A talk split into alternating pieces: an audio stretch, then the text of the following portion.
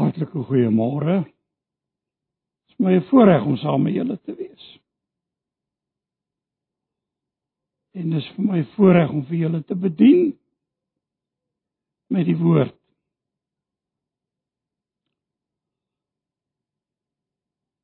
En ek is altyd altyd benoud as ek moet preek na al die jare.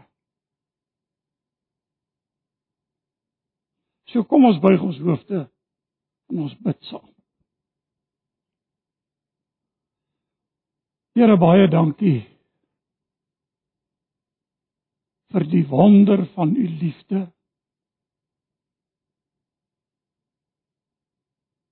Die grootheid van u heerlikheid.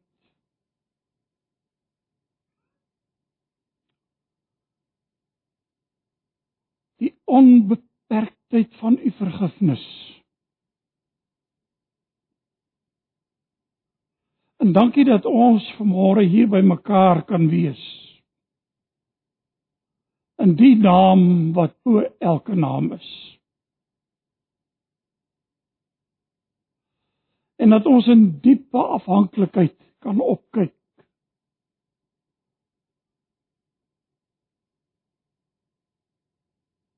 Die ewige en die onveranderlike. Die regverdige en die troue.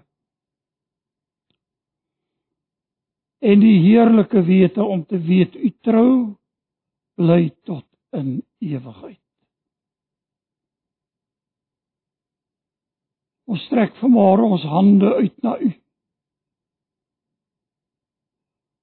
En bid dat u deur u gees deur u woord met elkeen van ons persoonlik sal ontmoet en dat ook in hierdie oggend u naam verheerlik sal word. Ons bid Here, ek pleit vir elke individu. U ken ons harte en ons gedagtes.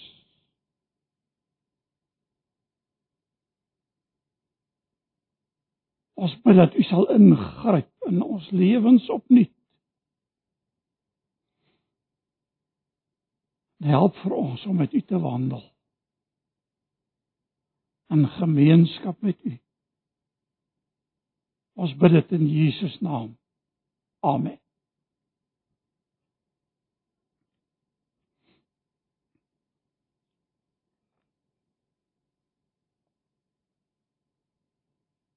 Die vorige keer wat ek hier by julle was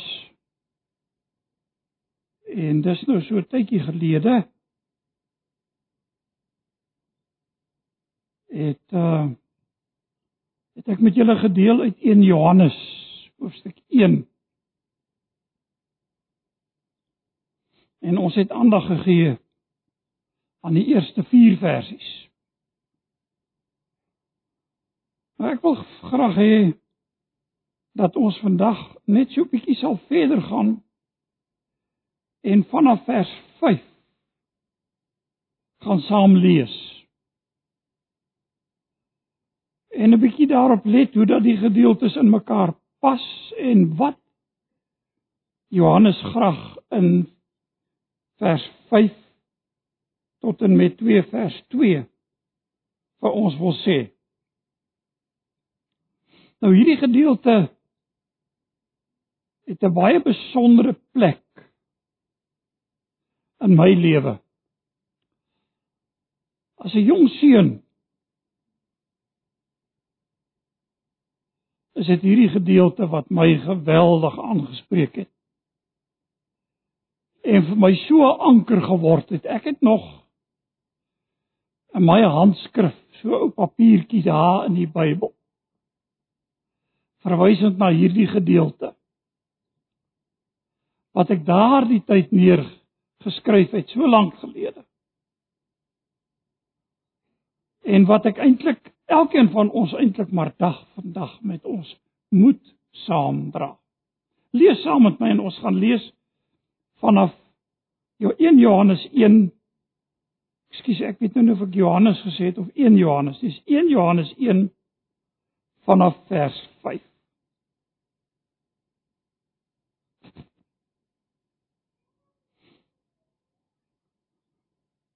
Hier skryf die apostel Johannes dan, hy sê en ek lees uit die nuwe vertaling, dit is dan nou die boodskap wat ons by hom gehoor het en aan julle verkondig. God is lig.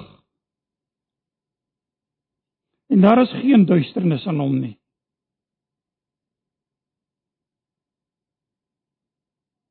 As ons sê, nuwe nuwe vertaling sê beweer Nou beweer klink vir my na 'n vaar woord. amper soos jy sê ou beweer so en so en so, maar jy's nou nie seker van sy beweringe nie. Letterlik staan daar as ons sê, soos wat die ou vertaling dit ook het, dat ons aan hom deel het of dan gemeenskap met hom het. En ons lewe in die duisternis lieg ons en handel ons nie volgens die waarheid nie. Maar as ons in die lig lewe, soos hy in die lig is, het ons met mekaar deel aan dieselfde gemeenskap. En reinig die bloed van Jesus, sy seun, ons van elke sonde. As ons sê dat ons nie sonde het nie, bedrieg of mislei ons onsself.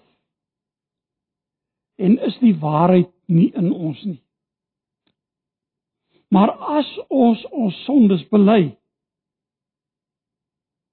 hy is getrou en regverdig. Hy vergewe ons ons sondes en reinig ons van alle ongeregtigheid. As ons sê dat ons nie gesondig het nie, maak ons hom tot leenaar. En is sy woord nie in ons nie. Dit skryf ek aan julle, my liewe kinders, dat julle nie moet sondig nie. En as een van ons sondig, ons het Jesus Christus die regverdige as ons voorspraak by die Vader. Hy is die verzoening vir ons sondes. En nie net vir ons sondes nie, maar ook vir die van die hele wêreld. Ons lees net hierdie gedeelte saam. Is dit nie 'n uitstaande gedeelte nie? So ongelooflik ryk dat 'n mens amper nie amper nie iets hieroor wil sê nie. Maar hier's 'n paar dingetjies wat hier na vore kom wat ek graag wil hê ons vanmôre aandag aan moet gee. Wat 'n mens dalk so met die vinnige lees hiervan nie raak sien nie. Wanneer Wanneer Johannes hier skryf, dit is dan nou die boodskap wat ons by hom gehoor het, verbind hy eintlik hierdie gedeelte aan die vorige voorafgaande gedeelte wat ek by 'n vorige geleentheid hier uh oor gepraat het. Want in die voorafgaande gedeelte vertel Johannes iets van hierdie boodskap want hy sê hom hy wat van die begin af was ons het homself gehoor Ons het hom met ons eie oë gesien. Ja, ons het hom gesien en met ons hande aan hom geraak. Hy is die woord van die lewe. So as Johannes sê dit is die boodskap wat ons by hom gehoor het, dan gaan dit om hom wat hy gesien het, wat hy gehoor het, wat sy hande aangetas het aan die woord van die lewe aan die Here Jesus Christus self aan sy goddelike openbaring wat tot die mense gekom het en wat hy gesien het en wat hy beleef het En dis sy uitgangspunt. Hy sê dis die boodskap wat ons by hom gehoor het en dit is wat ons aan julle verkondig. Maar julle sal onthou ek het by die onthou, dis 'n bietjie lank terug, so ek sal nie ek sê julle nie kwaliek neem as julle dit nie onthou nie. Maar daar het ons daarop gelet hoe dat hierdie prediking ons in gemeenskap met mekaar gebring het. En hoe dat hierdie prediking ons in gemeenskap met hom wat na hierdie wêreld gekom het waarvan Johannes sê ons het hom gesien, ons het aan hom gevat. Ons gemeenskap is met mekaar en met hom en nou sê hy dis die boodskap wat ons aan julle verkondig en wat wat sê hy van God is lig. En geen daar is geen duisternis in hom nie. God is lig. Johannes is baie lief vir hierdie woordspeling. Gaan lees ook maar die evangelie volgens Johannes. Lig teenoor duisternis. Jesus self sê ek is die lig van die wêreld. En ons weet dat Johannes ook gesê het as ons nie in die lig wandel met hom nie, wandel ons in die duisternis. So hier staan lig en duisternis teenoor mekaar. En nou sê Johannes hier, God is lig. En daar is geen duisternis in hom nie. En weet jy, is interessant. Ek het net so 'n bietjie teruggegaan na die Ou Testament. Daar's in Psalm daardie pragtige gedeelte as ons kyk hoe lig gebruik word. U woord is 'n lig vir my pad. En 'n lamp vir my Daar staan 'n ander gedeeltes. Ek het enkeles van hulle neergeskryf hier in Lukas. En nou hoop ek ek kan dit gou genoeg kry. In Lukas en ek dink is hoofstuk 2 Lukas hoofstuk 1 Lukas hoofstuk 1 ekskuus Lukas hoofstuk 1 en laat ek dit net vir julle kry waar daar van Jesus die pragtige woorde gesê word. En ek gaan die stukkie vir julle lees. Dit gaan oor die loflied van Sagaria. Dit is in 'n digvorm. En luister nou na hierdie woorde. Dis dis so aangrypend. Ver, verwys hy na die Here Jesus. En hierdie kindjie en jy kindjie 'n profeet van die Allerhoogste sal jy genoem word want jy sal voor die Here uitgaan om sy pad gereed te maak. Hy verwys nou na die koms van Johannes eerstens om kennis van verlossing aan sy volk mee te deel. Verlossing deur sy vergifnis. En dan luister na hierdie woorde, ek gaan nie alles lees nie, soos die môre son sal hy opgaan om lig te bring aan die nasies wat in duisternis wandel. En behalwe dit het ons in Efesiërs 'n soort gelyke gedagte en in Korintiërs, ek gaan nou net na Korintiërs hier verwys. Korintiërs lees ons moenie met ongelowiges in dieselfde juk trek nie. Hoe kan daar vennootskap wees tussen reg en onreg? Hoe kan daar gemeenskap wees Luister na die woorde tussen lig en duisternis. Nou, daar's nog ander skrifgedeeltes ook. Ek het 'n hele paar neergeskryf. Ek gaan nie by almal stil staan nie, want dan gaan ons nou lank besig wees.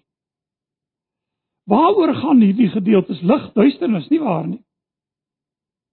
En waaroor gaan dit hier in die eerste brief van Johannes? Hy sê, dis die boodskap wat ons by hom gehoor het en hy hele verkondig, God is lig en daar is geen duisternis in hom nie. En dan kom hy by 'n interessante ding. En dis iets wat 'n ou nie sommer opmerk nie, maar weet jy hier's 'n struktuur wat nogal simmetries is. Dit wat so by mekaar pas. Simmetrie vorm. Kyk mooi, kyk in julle Bybels. As ons sê net hierdie woorde. Ons kry dit hier in vers 6 En as jy dan verder kyk, dan kry jy dit in vers 8 as ons sê. En dan kry jy weer dit in vers 10 as ons sê. En dan in hierdie simmetrie het hy 'n negatief en 'n positief. Nou jy negatief gaan hy sê as ons sê dat ons met hom en ek haal die ou vertaling aan as ons sê dat ons met hom gemeenskap het. En ons wandel in die duisternis. Dan sê hy lieg ons. En die ou vertaling sê doen ons nie die waarheid nie. Nou broer en suster, ek weet nie in watter mate hierdie ook in ons dag 'n probleem was nie hier in die tyd van Johannes. En waarskynlik het hy dit laat in die eerste eeu geskryf hier voor die eerste 100 na Christus hier. Kom ons sê hier om hom by 90, niemand weet presies nie. Hy was al 'n ou man gewees. Kort voor Openbaring skynbaar geskryf. Het hy hierdie deel geskryf en daar het 'n beweging ontstaan bekend as ek praat nie lelik nie. Dis regtig gnostisisme. Waarvan gehoor? Nou die gnostisisme was ouens wat hulle op 'n hoër kennis, die gnostiek beroep het. 'n Misterieuse kennis. En in daardie kennis van hulle het hulle 'n radikale skeiding gemaak. Die Griekse filosofie het dit ook gedoen tussen liggaam en gees. So met ander woorde, dit sou kon wees dat ek sê my gees is reg. Wat maak nie saak wat ek in die liggaam doen. Solank die gees reg is. Nou Johannes het iets duideliks hieroor te sê. Weet jy, baie jare terug het ek 'n berig gelees. Dit was 'n baie tragiese berig van een of ander vorm van huweliksontrou. En ek praat van jare terug. Dit was in die koerante onder 'n nelspruit gewees. Waar een van die sogenaamde geestelike leiers na 'n ander man se vrou gegaan het en hy hom toe daar betrap het en toe op hom geskiet het. Maar u sien vir daardie geloofsgroep. En ek kan hulle seker by die naam noem. Ek dink hulle staan bekend as ou apostels. Gaan dit in beginsel dit maak nie saak wat jy in die vlees doen nie. Solank die gees net reg is. Nou broers, is dit die Bybel sê duidelik vir al hierdie gedeelte as ons mooi daarna kyk, as ons nou sê dat ons gemeenskap met hom het en ons leef in die duisternis wat sê, dan lieg ons. En dan doen ons nie die waarheid nie. Want u sien, lig en duisternis het nie gemeenskap en kan nie gemeenskap hê met mekaar nie. En wat ek in die liggaam doen, raak my hele bestaan. Is dit nie so nie? So broers, is dit die sonde waarvan Johannes hier praat, is baie ernstig. En dis 'n ernstige saak wat hy aansny. Want ek kan nie met die mond een ding bely en met die hand 'n ander ding doen nie. Johannes die Doper het gesê dra vrugte wat by die bekering pas. Jesus het gesê 'n boom word aan sy vrugte geken. En Johannes kom hier en hy sê as ons sê dat ons met hom gemeenskap het, dan kan ons nie in die duisternis leef nie. Dis onmoontlik want as ons in die duisternis leef, dan leef leef dan leef ons in leuen, dan lieg ons en ons lewe nie en ons doen nie die waarheid nie. Nou ek wil net vir u sê, ons moet daarop let. Dit gaan hier oor 'n leefwyse. Dit gaan nie hier oor 'n oortreding nie. Dit gaan nie hier oor 'n mislukking en 'n fout en die verkeerde wat ek gedoen het nie. Hierdie saak kom ter sprake. Dit gaan hier om 'n lewenswyse en nou kom Johannes en hy sê ek kan nie lig en duisternis het niks met mekaar in gemeen nie. As ons in die lig lewe sê hy soos hy in die lig is. En broer en suster, hier kom nou vir my so 'n mooi uitspraak. Luister net hierna. Het ons gemeenskap met mekaar.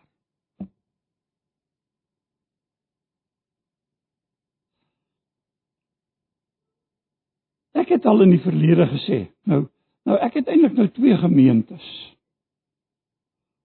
waar waar ek nou soort van deel voel. Dis nou Rietfontein gemeente en dis nou Antipas gemeente. En ek voel nou regtig deel van julle. Of julle dit nou wil weet of nie, nie maar daar's 'n rede. Ons wandel in die lig. Ons wandel in die lig. En dan het ons gemeenskap met mekaar.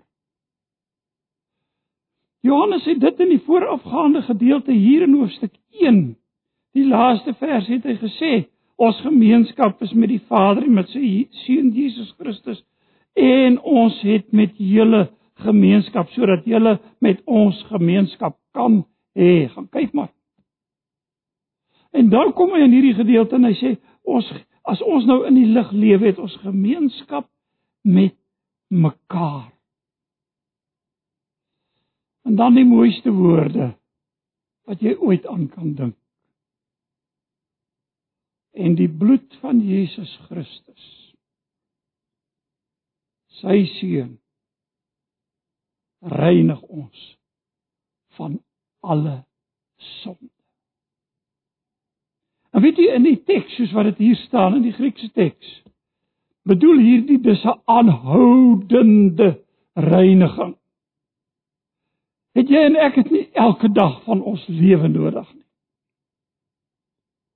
As ek dink aan al my mislukkings, as ek dink aan my teleurstellings, as ek dink aan waar ek verkeerd gedoen het, ek het nodig dat die bloed van Jesus Christus my elke dag, my elke oomblik sal reinig. En Johannes praat verder in hoofstuk 2 weer daaroor, ek sal weer daar iets oor sê. En dis die wonder van goddelike verlossing. Dis die wonder van God se liefde. Hier kom ons vanmôre by mekaar. En ons sê vir mekaar, ons wandel in die lig Ons behoort aan die lig. En daarom het ons hier gemeenskap met mekaar en daarom het ons die waarborg uit die Bybel uit dat die bloed van Jesus Christus reinig ons van alle sonde.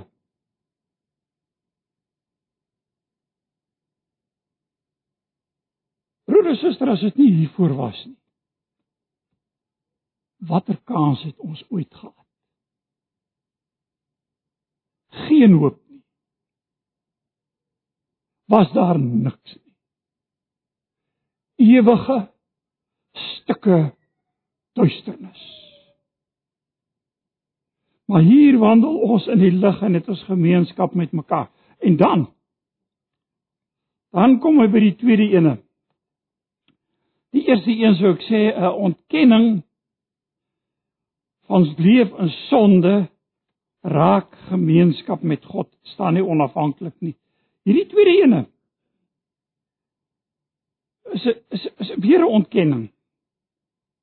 Soort van 'n ontkenning dat sonde in ons menslike natuur bestaan. Luister wat sê hy. As ons beweer as ons sê dat ons nie sonde het nie.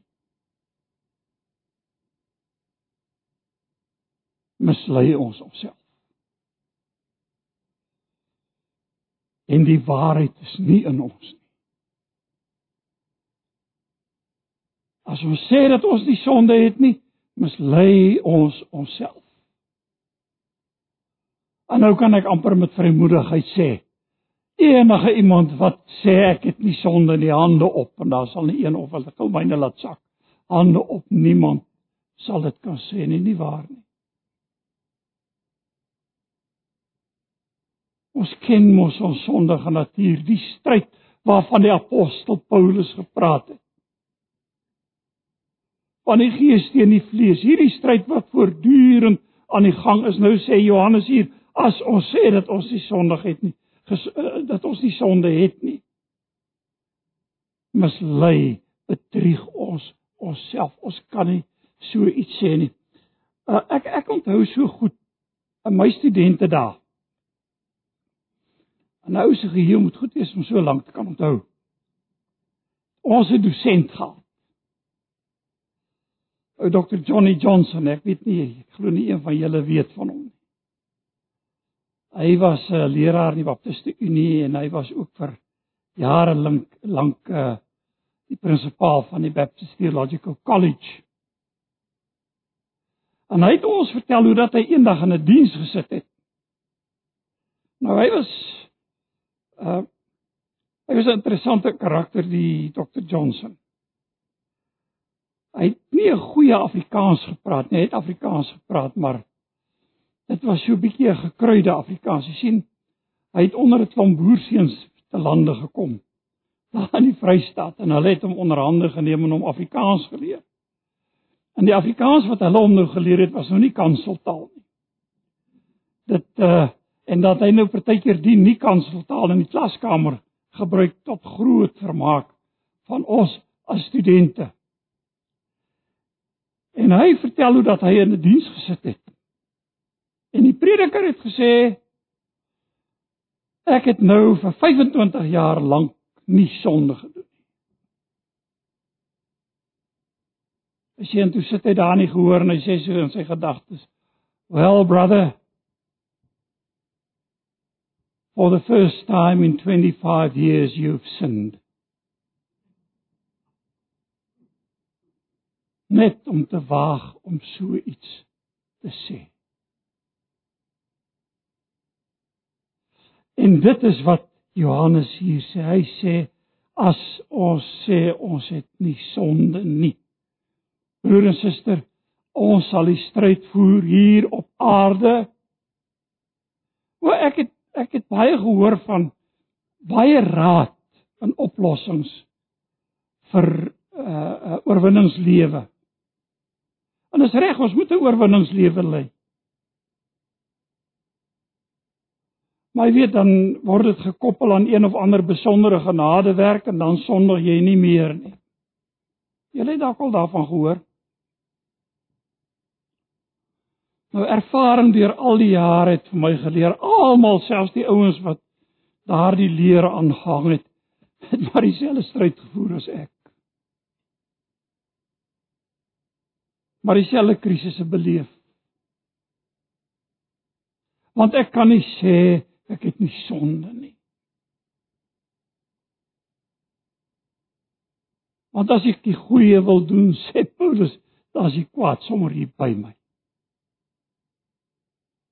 Dis die stryd wat ek en jy voer. En broer en suster, dis die stryd wat ons altyd sal stry en dan kom ons by hierdie woorde.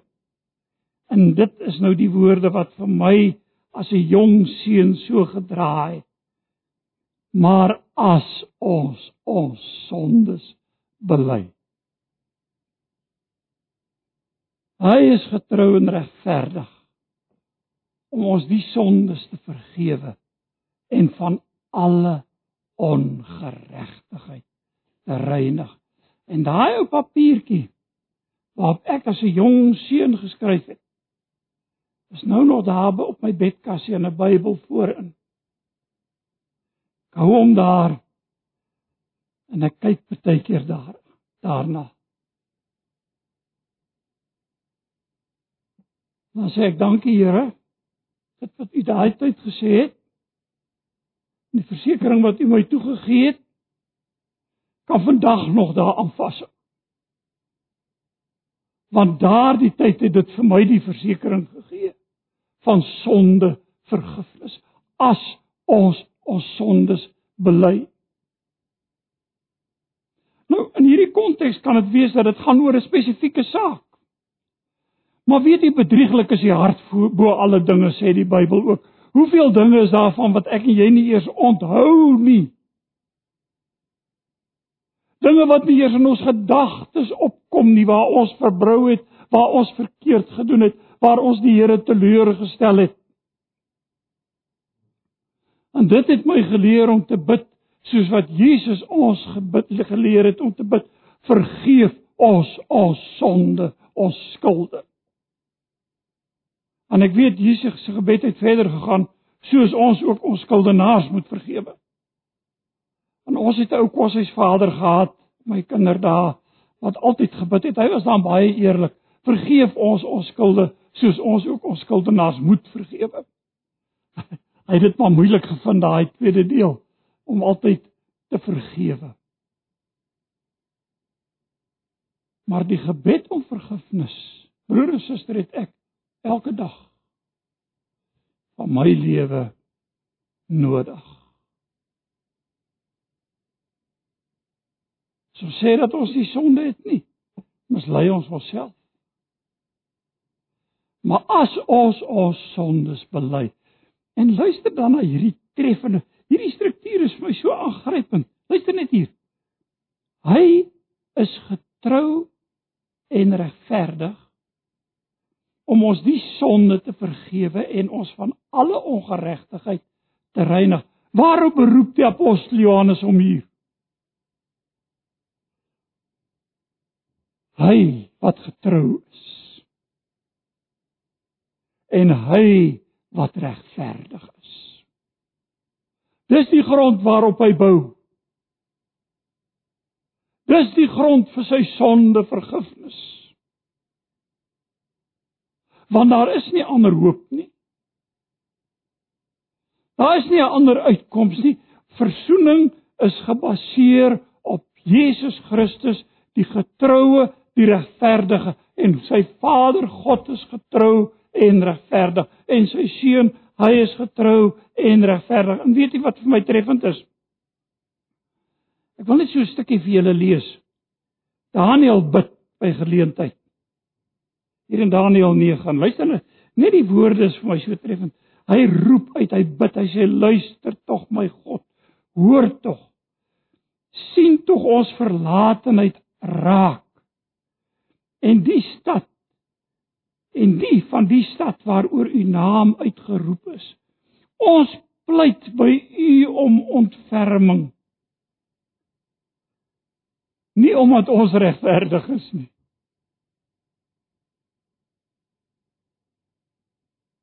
Maar ons pleit op grond van u groot barmhartigheid. En dan sê hy: "Hoor Here, Vergewe Here, gee tog ag op ons en tree op ter wille van u self. Moenie talm nie. God is getrou en regverdig. En ek het die versekering van sondevergifnis nie oor my mooi gebed nie. Spurgeon het by geleentheid gesê, man as jy op jou knieë gaan en jy kan nie bid nie, dan huil jy voor God al is dit al wat jy doen. En stamelend kom die woorde uit. Maar ek weet God is getrou. Hy's regverdig om my die sonde te vergewe. Hy my van alle ongeregtigheid te reinig, 'n skoon bladsy.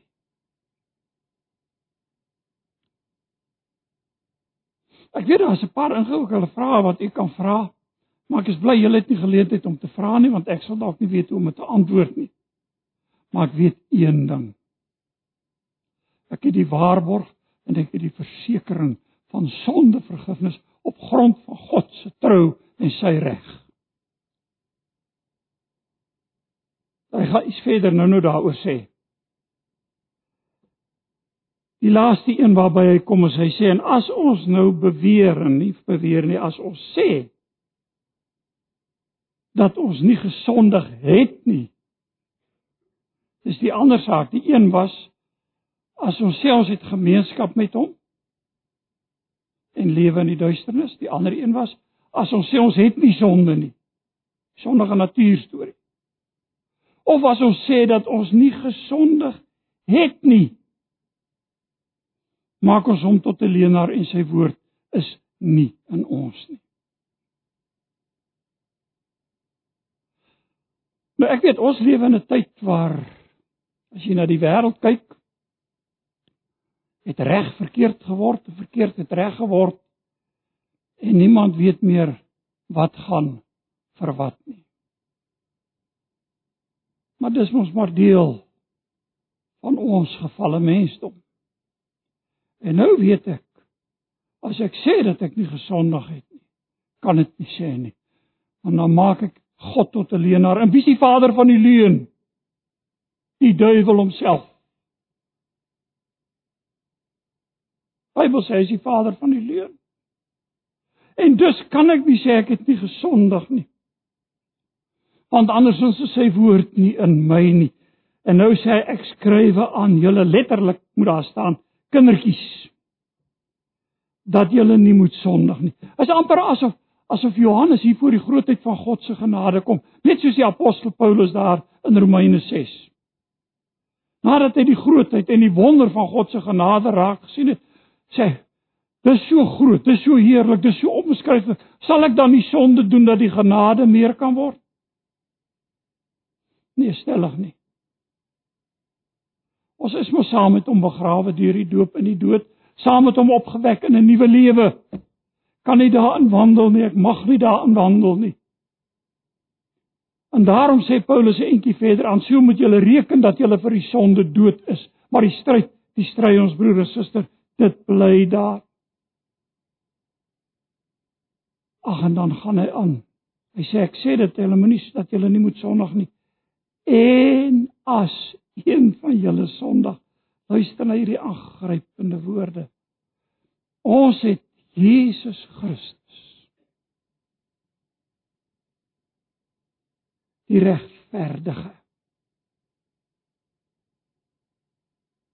As ons voorspraak by die Vader.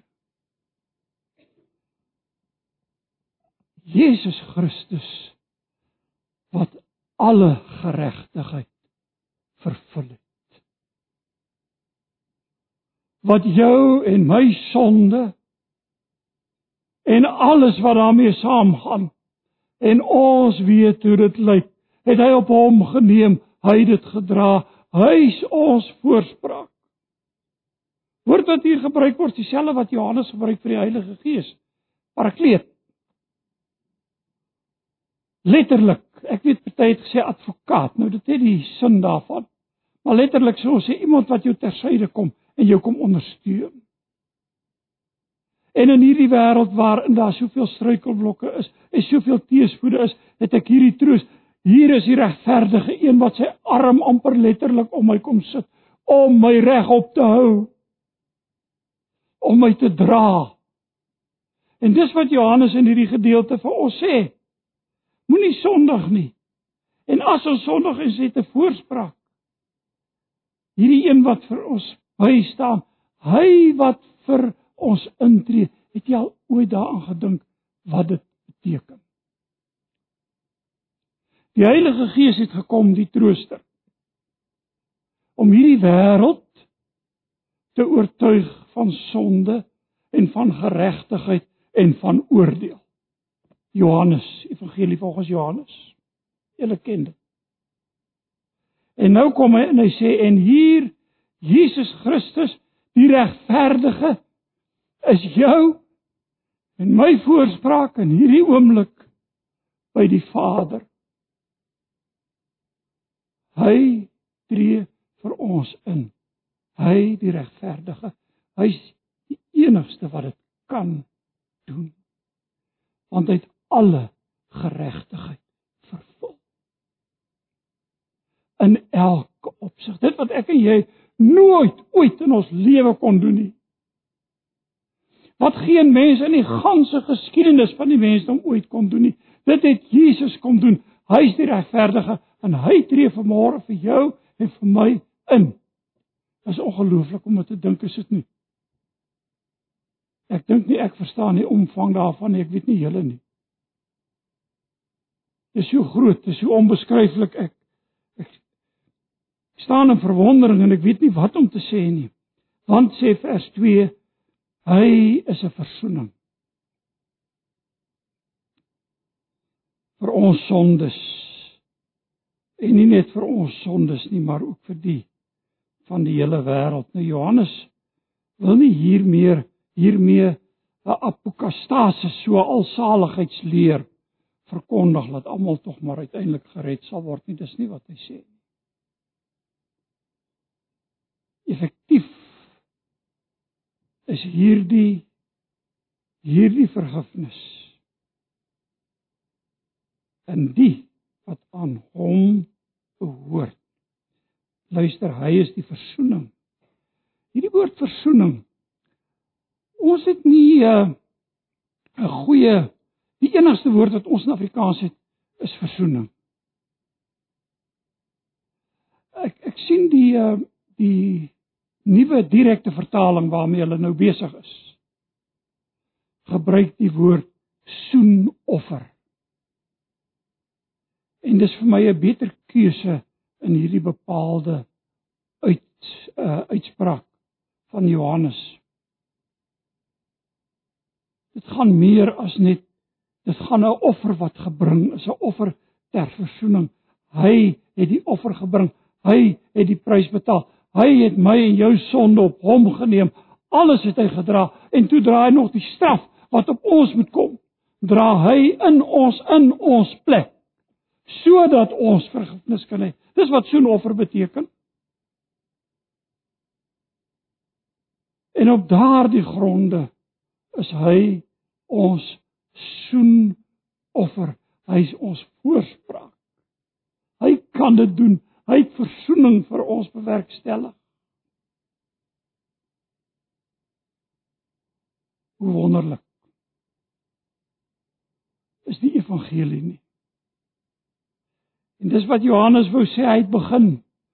Dit wat ons van hom gehoor het, wat ons gesien het, wat ons getas het. Hom verkondig ons aan julle die woord van die lewe. En hierdie verkondiging sê vir ons in God is lig. Daar is geen duisternis in hom nie. En hoe raak dit die sonde? As ek sê ek het gemeenskap met hom, en ek wandel in die duisternis, dan lieg ek. En ek doen nie die waarheid Maar as ek in die lig lewe, dan het ons gemeenskap met mekaar.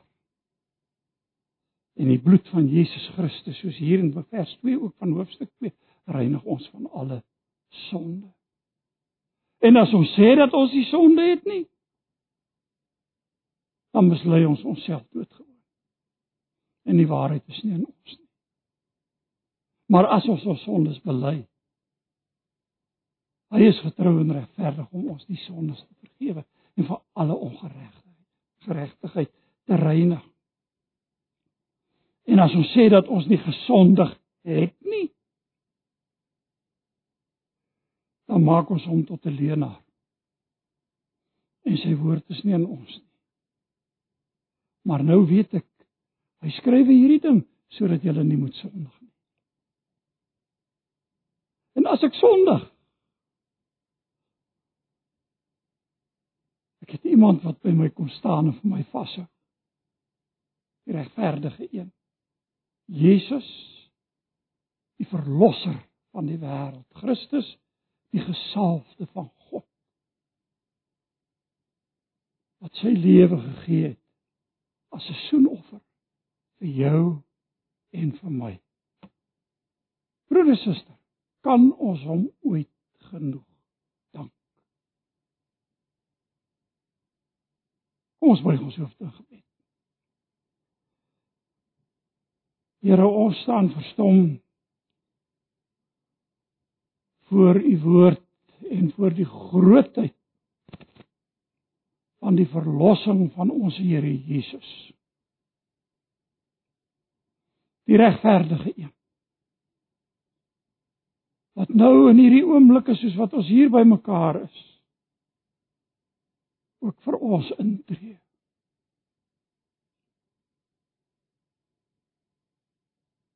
Help vir ons om ons te verheug in die rykdom van hierdie genade. Ek sluit af met die slotwoorde van Johannes in 1 Johannes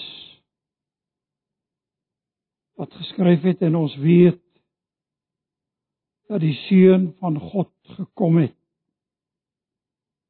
en ons verstand gegee het om die ware God te ken. En ons is in die ware God in sy seun Jesus Christus. Hy is die ware God en die ewige lewe. Amen.